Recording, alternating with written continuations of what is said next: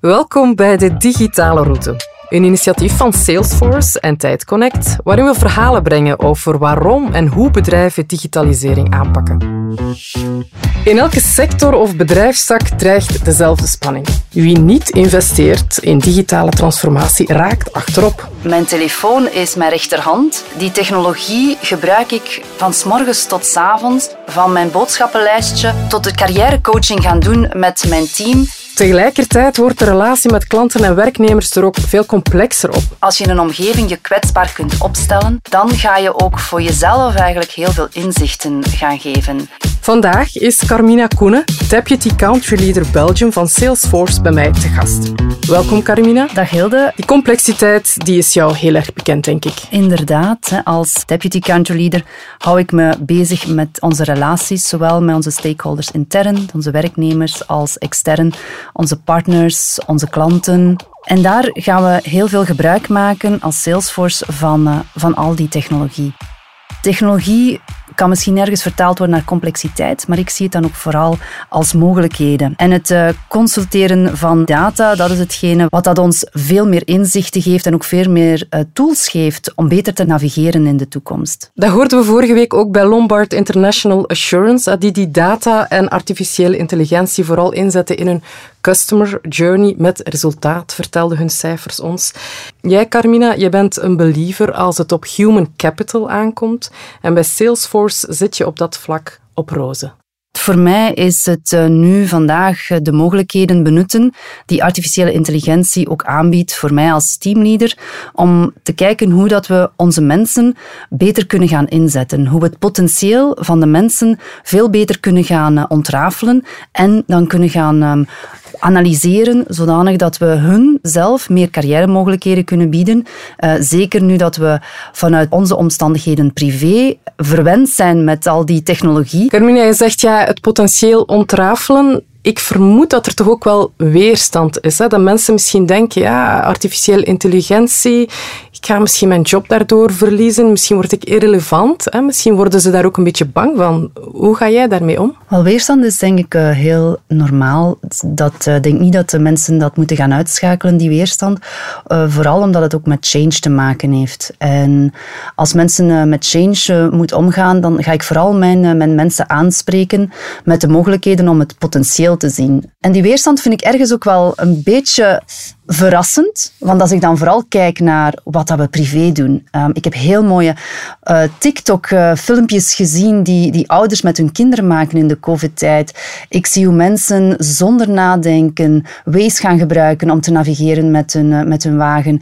Ook self-driving cars gaan, gaan aankopen en gaan gebruiken.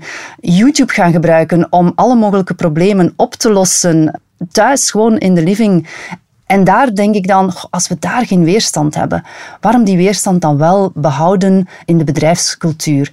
En dat is hetgene wat ik denk van, goh, als we allemaal wat bewuster zijn van hoe we in onze privéleven die zaken gebruiken, laten we dan ook openstaan met een bepaalde growth mindset om, uh, om dat in de bedrijfswereld ook uh, te omarmen. Het zijn hele goede voorbeelden, inderdaad. Maar dan in het bedrijf zelf, bij Salesforce, concreet, hoe pak jij dat dan aan? Wel, ik zie het echt ook als mijn taak om mijn werknemers en, uh, en andere bedrijven, onze klanten en onze partners, te overtuigen of te laten experimenteren en ervaren wat de meerwaarde is van die technologie. Eens als je over voldoende data beschikt, wel, dan kan artificial intelligence jou heel veel extra inzichten geven. Het is gewoon een extra paar ogen die meekijkt en die jou eh, steunt in jouw beslissingsproces. En vandaar dat ik dan ook ga denken van wat is het belang eigenlijk van de skillsets eh, van de medewerkers? Hoe kunnen we die gaan up-to-date houden? Waar staan we vandaag? Waar willen we naartoe groeien? Wat hebben we nodig? Wat zijn de gaps? En om natuurlijk zo'n proces te faciliteren, weet ik ook en uh, begrijpt Salesforce ook heel goed, dat daarvoor een heel veilige werkcontext moet zijn. Je moet, uh, je moet eigenlijk ook bereid zijn mensen te laten falen. Je moet bereid zijn om ze te laten experimenteren om snel innovatieve ideeën te lanceren. Je moet bereid zijn om met een hele diverse groep aan mensen rond de tafel te zitten. En als je dat kan combineren met een veilige werkcontext, wel, dan haal je op die manier het, eh, het beste van de mensen naar boven, gecombineerd met de digitale wereld, met de data die jou uh, extra kan vooruitduwen. Stel nu, ik wil bij jullie komen werken. Hè. Jullie hebben heel veel jobs, van executive assistant tot strategic account manager. En welke tools heb ik dan als potentiële werknemer houvast? Ik heb net iemand die bij mij gestart is in het team. En reeds van voor het proces tot eh, het proces dat hij in september wordt de technologie gebruikt. Enerzijds om, uh, om zich in te werken in de cultuur van Salesforce. Het, uh, het ontdekken van die cultuur, het gaan appreciëren van die cultuur en, en daar dan die veiligheid in, in terug te zien. En daarnaast voor inderdaad iemand in mijn team, maar ook iemand als strategic um, account manager of als executive assistant. Zij gebruiken een platform dat uh, Trailhead noemt. En vanuit dat platform wordt een heel veel kennis meegegeven die zij individueel, maar ook met een team moeten gaan, uh, gaan absorberen. Waardoor dat wij hun echt wel het comfortabel gevoel kunnen geven dat zij na twee, drie maanden de messaging van Salesforce kennen en zij zich kunnen gaan profileren als een, als een trusted advisor. En om even misschien nog een, een kort voorbeeld te geven. Vanuit uh, Molengeek um, hebben wij een ondersteuning gegeven om uh, samen met uh, Trailhead, het platform, mensen die technologische kennis aan te bieden. Van hoe gebruik je Salesforce, hoe kan je daarin gaan ontwikkelen. En daar is dan de, mooie connectie ontstaan met Isra. Zij uh, is uh, een van de dames van Molengeek, een studente van Molengeek. En nu werkzaam bij Salesforce in Dublin. En dat heeft haar eigenlijk de mogelijkheden gegeven om één, een mooi zelfbeeld te creëren voor, uh, voor deze pittige dame. En anderzijds heeft haar dat ook uh, de mogelijkheid gegeven om, af te, om te reizen naar Dublin, om daar een, nieuw, een leven op te starten, een carrière op te starten. En, en op die manier, we blijven toch heel geconnecteerd, want we zitten op één technologisch platform. Dus ook al is ze heel wat kilometers verwijderd, we, we blijven één familie eigenlijk. En dat is het, uh, het mooie wat zo'n platform aanbiedt. En inderdaad, de verschillende rollen die je kunt gaan omarmen binnen Salesforce. Nu heb je het vooral over het ontwikkelen van die hard skills, maar net die worden misschien wel geautomatiseerd morgen. Is het niet slimmer om te focussen op de groei van de soft skills? Wel, deze week had ik um, een executive meeting en Dr. Vivian Ming, theoretical neuroscientist, uh, big name wat betreft artificial intelligence. En zij sprak over complementaire diversiteit. En ik denk dat dat ook heel relevant is als je gaat hebben over hard skills en over soft skills. En over het opstellen van teams. Van het moment dat we als leaders, als bedrijfsleiders, maar ook, ik zou ook wel wat verantwoordelijkheid willen zetten natuurlijk bij de werknemers zelf. Als er een passie is, als er een goesting is om te kijken naar welke creatieve ideeën kan ik als werknemer naar voren schuiven? En geeft mijn werkgever mij die ruimte om die ideeën naar voren te schuiven? Wel, dan heb je een ideale mix van die beide talenten, zowel de hard skills als de soft skills. Dus Hard skills zullen voor een stukje geautomatiseerd worden. Wel, dat zien we eigenlijk in wat er de afgelopen 50 jaren is gebeurd na, met de industrialisatie. En, en, dat gaat inderdaad ook nog wel zo zijn. Maar soms is het ook leuk als individu dat je bepaalde skills even kunt parkeren en dat je op zoek kunt gaan naar die nieuwe skills, omdat je jezelf dan opnieuw kan gaan, gaan ontplooien. Word jij op dat vlak ook wel eens op de rooster gelegd? Um, tuurlijk. En ik denk dat ik eigenlijk mezelf het hardste op de rooster leg. Um, maar ik, ik zou zeggen, ja, laat elk bedrijf iedereen wel eens een spiegel voorhouden. De rooster klinkt misschien wel super, super onaangenaam. Maar het is net als je in een omgeving je kwetsbaar kunt opstellen, dan ga je ook voor jezelf eigenlijk heel veel inzichten gaan geven. Op alle vlakken. Wij, doen twee keer per jaar een Great Leader Survey. En in dat survey word ik inderdaad op de rooster gelegd. Want dan gaan alle mijn direct reports, mijn omgeving laten weten van Carmine, daar scoor je goed op, Carmine, daar scoor je minder goed op. In vergelijking met andere managers scoor je daar beter op of minder goed op. En door die inzichten te gaan bekijken, geeft het mij ook de mogelijkheden om te weten van goed, wat denkt het team over mijn leiderschapsstijl? Waar hebben ze net meer nood aan en waar hebben ze minder nood aan? En door dat dan ook nog eens een keer te gaan overleggen met het team, geeft de mogelijkheid om prioriteiten te stellen. Want ik kan afkomen met, dit is de analyse, dit staat er in het dashboard, van hier moeten we, hier moet Carmina op gaan focussen. Bijvoorbeeld meer op vlak van futuristic denken, meer op vlak van visie neerzetten. Maar als ik dan uit mijn team in, kijk kijk van wat dat hun feedback is van, ja, geef ons meer die momenten van die recognition.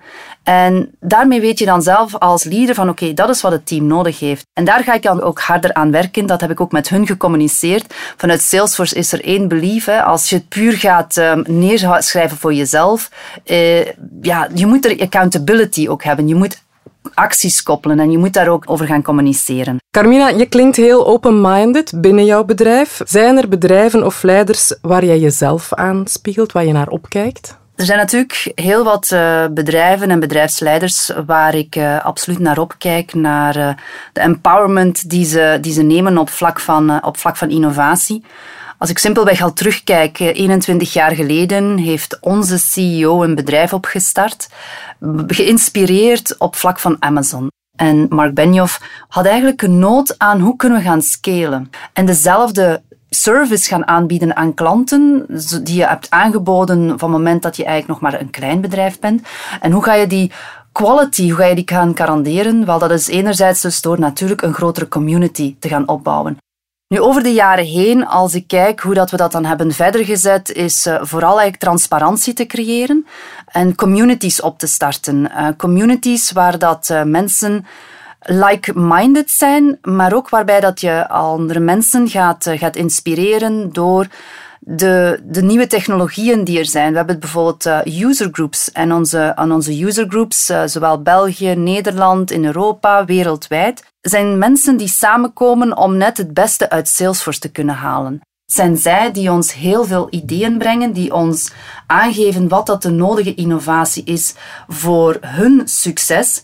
En die innovatie bouwen, bouwen wij op die manier in, in onze oplossing.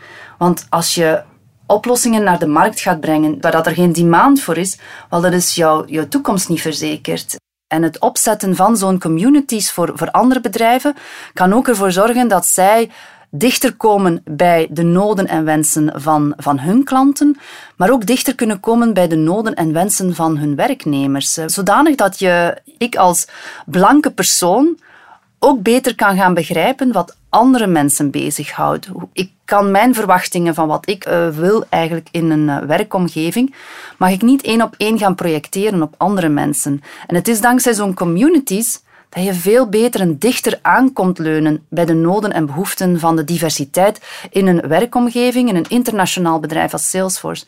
ik ben er nu ondertussen tien jaar, maar de groei die ik gezien heb bij Salesforce is natuurlijk net het omarmen geweest van die communities. Om meer open te gaan staan naar, het, uh, naar andere ideeën, naar andere manieren van kijken, naar een beter begrijpen wat maakt het dat je je goed voelt in een bedrijf wat zorgt voor een goede basis, een goede bodem om talenten te kunnen laten groeien. Als ik jou bezig hoor, is het volgens mij niet alleen een zaak van bedrijven hè, om die growth mindset, zoals jij het noemt, te initiëren. Hoe kijk jij nu naar de rol van bijvoorbeeld het onderwijs en als we het echt heel breed trekken van de Belgische overheid? Ik ben heel blij dat we inderdaad de voortrekker zijn op, op dat vlak. En ik kan alleen maar openstaan naar ook samenwerking met onderwijs, samenwerking met de Belgische overheid.